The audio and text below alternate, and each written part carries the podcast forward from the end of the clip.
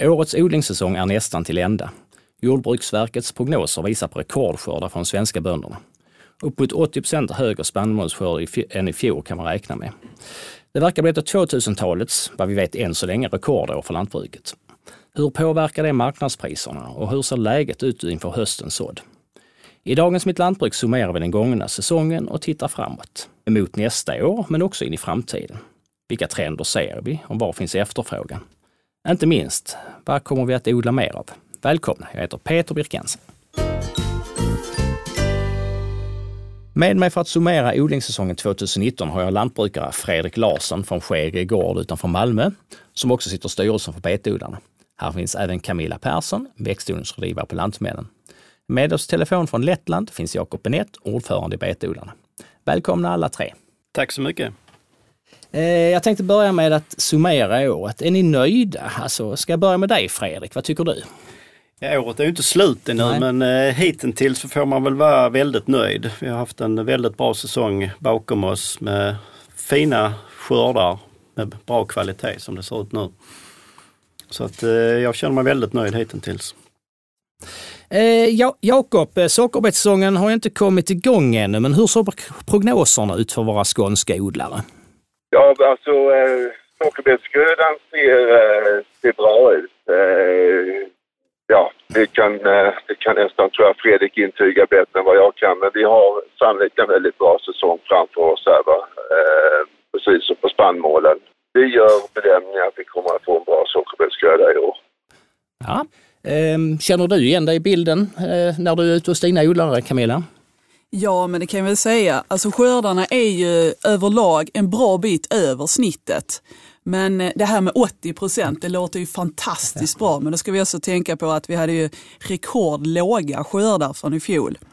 Men vad, vad vi kan se så har vi inte riktigt de här rekordskördarna. Men det ligger väl precis snäppet under. Och eh, kvaliteten här nere i syd, i Skåne, är ju överlag väldigt bra. Det är lite höga vattenhalter, men det är höga proteinhalter och det är bra kvaliteter. Eh, där är väl lite granna höstvete som tröskade sent, som då inte riktigt klarade falltalet. Och det är lite malkorn som också eh, tröskade sent, som grodde ut i fält. Men största delen av skörden har ju bärgats med väldigt fin kvalitet man såg ju, eh, precis som du sa, att eh, när det mörknade i fälten så tänkte jag det här, det här är inte roligt nu. Som att, eh, men men det, som du säger, den stora delen den försvann, den hann man tröska av innan, innan regnen kom. Ju, så att, eh, har du någon idé varför det, yes, vädret givetvis, varför blev det så bra i år? Är det något mer än vädret som har påverkat? Är det någonting från fjolåret som hänger kvar att vi har fått så bra skördar? Ja, men det var bra väder under hela året skulle jag säga. Redan från etableringen vi fick ner det tidigt, det blev inte för mycket regn på hösten. Och sen tror jag också vi har nytta av att eftersom det blev så dålig skörd i fjol så fanns det lite kväve kvar i marken. Och den kväven det kunde ju faktiskt grödorna ta upp redan på hösten. Och under, vår, eller under vintern så regnade det inte speciellt mycket så det här kvävet det fanns ju kvar i marken. Möjligtvis lite längre ner då. För när vi gjorde jordprover i våras så visade det inte på något större kväveöverskott.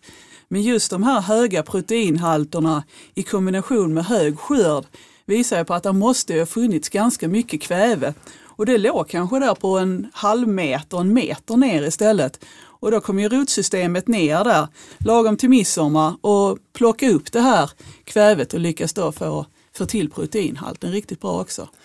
Ja, det är som sagt så, den är inte lätt att planera vår bransch, det kan vi lugnt säga, men det blir ju bra trots allt ju, många, många gånger ju. Så att, eh, Ja, där fanns väl vissa småbitar som möjligtvis hade kunnat bli ännu bättre. Och det är att vi fick väldigt högt svamptryck på slutet. Och där kanske man skulle varit lite mer på hugget också och tittat mer i fält.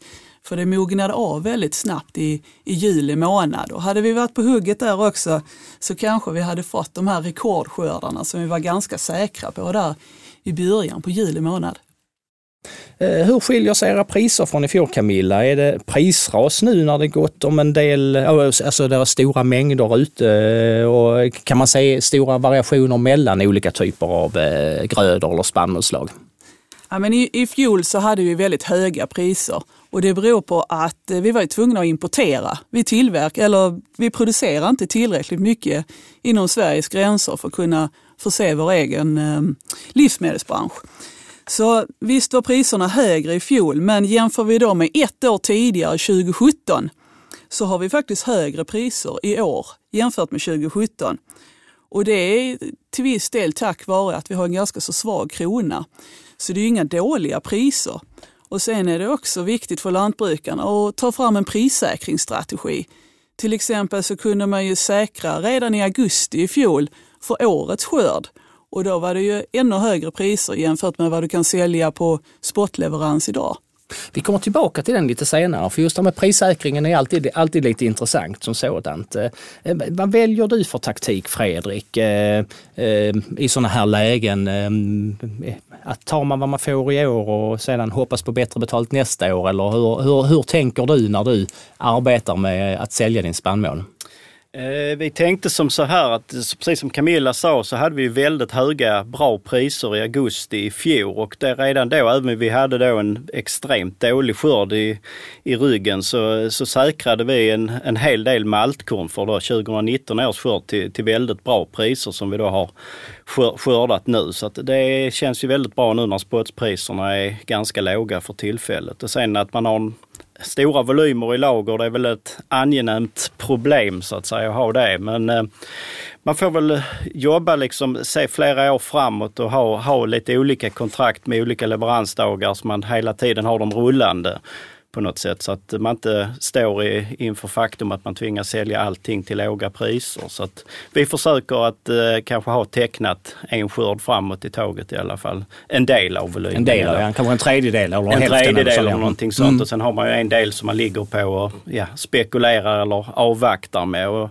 som det är nu så är det inte jätteroligt att sälja just nu. Men man kommer ju, om inte priserna lyfter här i höst eller nästa vår liksom, så kommer man ju till ett läge där man kanske måste sälja för att man behöver få in likvida medel. Ju. Så, att, eh, så jag tror att det, det, det, är bra om man kan ligga liksom i, i, i framkant och hela tiden nyttja när det är höga priser att, att säkra då.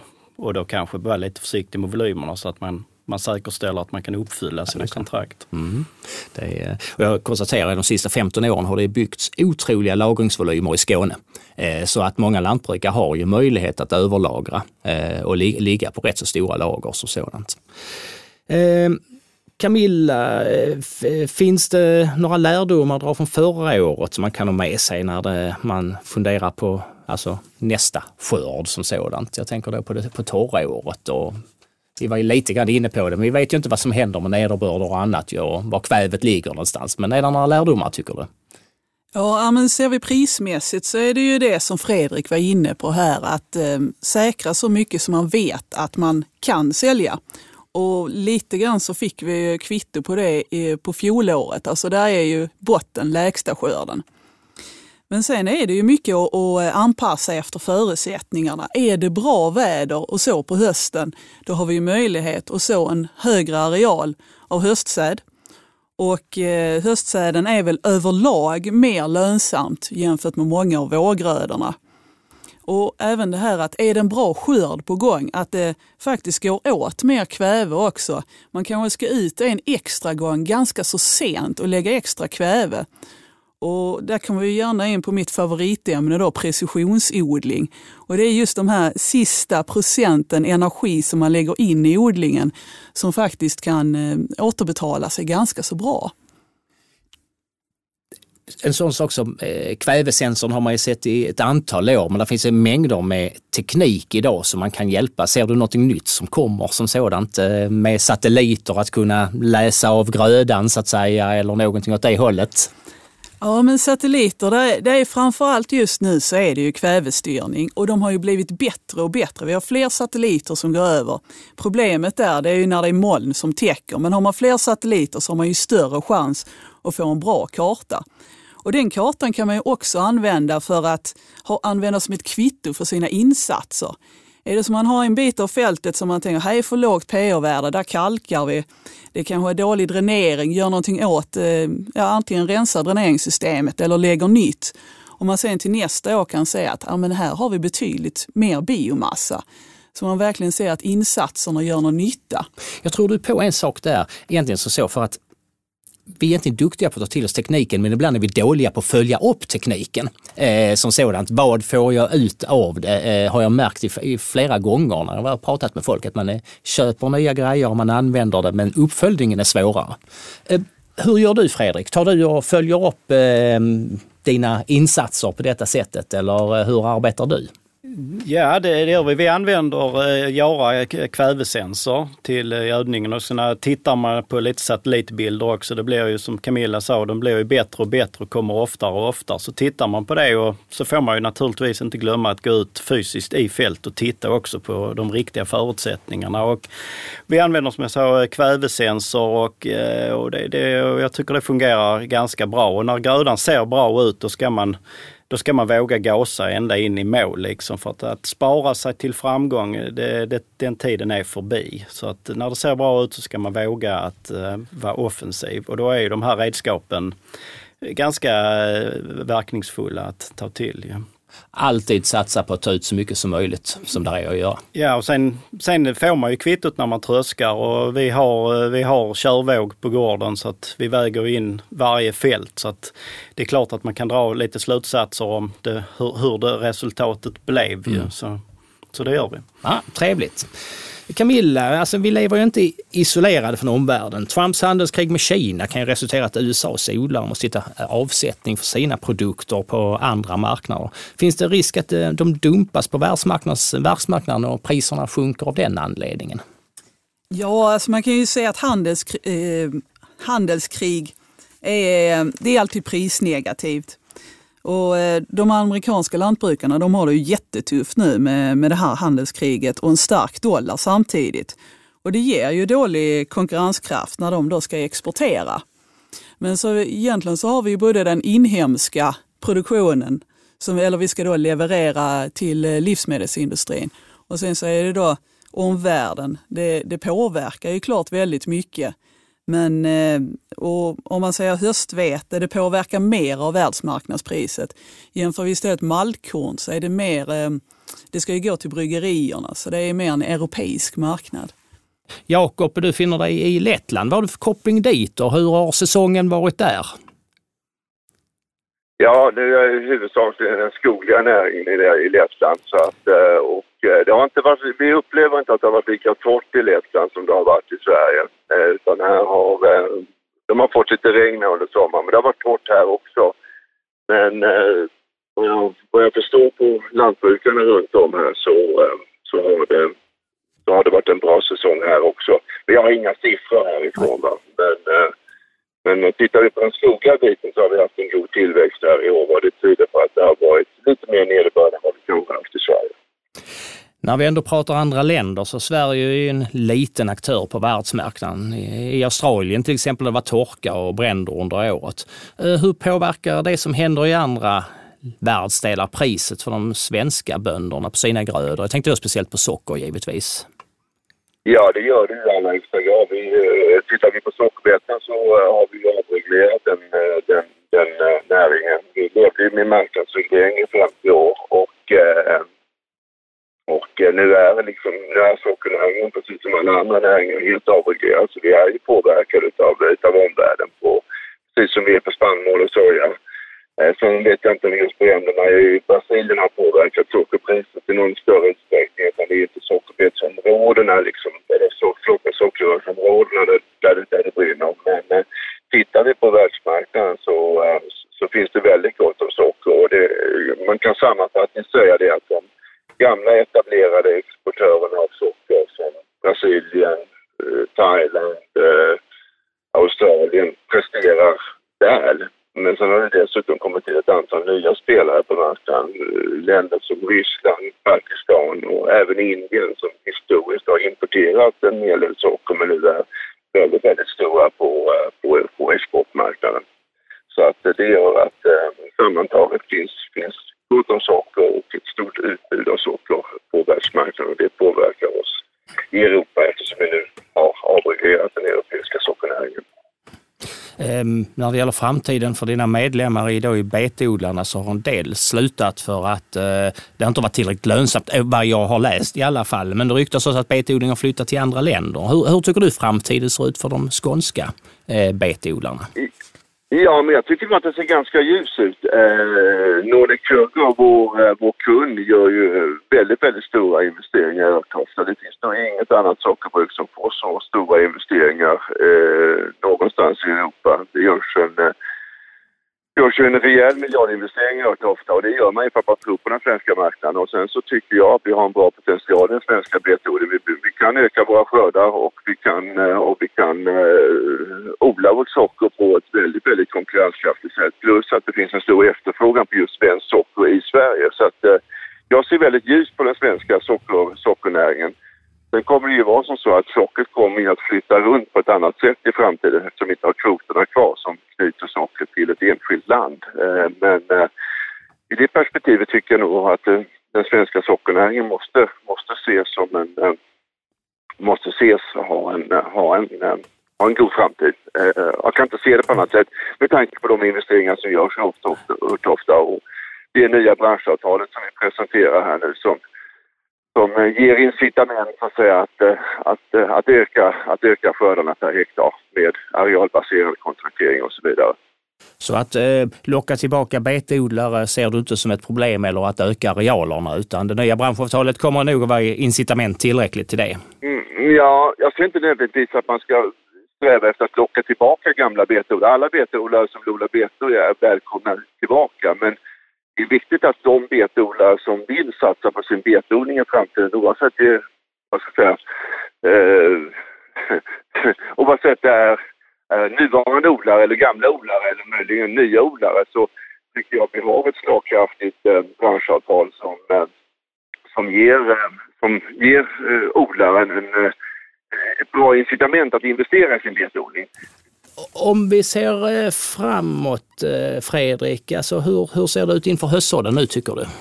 Ja, precis, nu när vi sitter här så har vi börjat förbereda för eh, höstvetesådden. Höstrapsen är i jorden och vi förbereder för att så höstvete. Och blir det, blir det en tidig, tidig torr höst här nu med, och vädret är på vår sida så är det klart man försöker så ganska mycket höstvete. Men sen har man ju ett, ett vårbruk som kommer sen också. Där har man ju kanske lite kontrakt på maltkorn och eh, för egen del så kommer vi öka sockervetsodlingen en, en del också. Så att eh, det är inte hur mycket plats kvar som helst ju, men eh, det ska sås mycket höstvete i höst. Ja. Märker du det också? Är det någon skillnad på hur mycket utsäde som är sålt? Ja, vi kan väl säga att det är sålt mycket utsäde i år. Eh, sen ju, eh, vet vi inte riktigt vad som faktiskt hamnar i jorden. I Skåne tror jag vi kan vara ganska säkra på att eh, vi hinner så höstvete. Och det är ju bra förhållanden nu också att så höstkorn och råg, för det börjar vi komma in där i, i rätt såfönster. Höstvete får vi gärna vänta lite grann till så att det inte växer för mycket. Tittar vi sen istället på ett Sverigeperspektiv så finns det ju de som har det betydligt tuffare när det regnar för mycket på västra sidan och på östra sidan då med framförallt Öland och Gotland, de har ju extremt torrt. Så där kan vi inte riktigt säga någonting om utfallet förrän vi kommer in där i oktober, november månad. Ja, Fredrik, du sa ju innan att eh, om vi går tillbaka till kontrakten, att eh, eh, ni är en tredjedel kanske ni försöker kontraktera och ha lite långsiktiga kontrakt också som sådant på era, era grödor. Eh, om jag, eh, Camilla, är folk från fjolåret efter det här torra året, är de försiktigare att skriva kontrakt? Märker du det? Att man är mer återhållsam och eh, chansar på spotmarknaden istället? Ja, men chansar skulle jag inte vilja säga, men däremot så, så säkrar man ju inte mer än för, för lägsta skörden. I alla fall inte nu under hösten, för då har du ju ingen aning om hur år 2020 ska vara. När vi sen kommer in på våren så kan man ju se då att ja, men höstrapsen har ju övervintrat och den ser ju väldigt bra ut. Då kan man ju våga säkra kanske lite grann mer än vad man fick i skörd eh, 2018. Så att man hela tiden är med och ser hur, vad har vi för potential i grödorna. Men på hösten så skulle jag inte våga säkra eller rekommendera eh, kunderna att säkra då mer än, än lägsta skörden. En dum fråga. Hur länge kan man kontraktera? Kan man, alltså är det någon sista dag så att säga? Eh, eh, när brukar, brukar allting vara, till skörden är givetvis alla kontrakt skrivna, men är det folk som ligger ända fram på sommaren och skriver kontrakt eller? Eh? Ja, där, där, finns egentligen lite olika typer av avtal. Så dels är det då terminsavtalen och det är fyra olika terminer som man levererar i. Och du har ju skördeterminen och sen efter det så kommer ju då vinterterminen, det är under våren och så under sommaren innan skörden. Men sen om du inte är så intresserad av att följa spannmålsmarknaden så finns det då även möjlighet att lägga det på ett så kallat poolkontrakt. Och de te tecknar det under våren och sen så får du då ungefär ett snittpris över hur, vår, eh, hur eh, spannmålspriset har varit från att du kontrakterade till att skörden då är avklarad. Så det ska liksom vara en, en medelväg som ungefär fungerar som, som förr i tiden när vi inte höll på att säkra spannmål och följa spannmålsmarknaden på samma sätt. Så i princip, det, det finns de som har gjort studier på det här som visar på att om du alltid säljer allting i skörd till spotpriset så är det den sämsta strategin. Då får du på sikt sämst lönsamhet. Sen kan det ju vara vissa år där eh, spotpriset i skörd är, är, riktigt högt. Ja, som i fjol till exempel. Då. Ja, ja, precis. Mm. Men eh, det vill vi helst inte ha den varianten igen. Eh, mm, vi har ju starka konsumenttrender nu eh, mot att äta mer vegetabilier och eh, också att eh, fler olika sädeslag, både uråldriga sorter men också havre som har en massa positiva effekter på hälsan.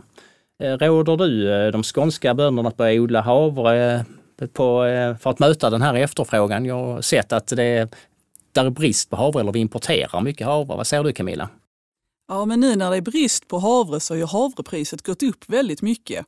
Så det ligger ju ett par öre under maltkornspriset.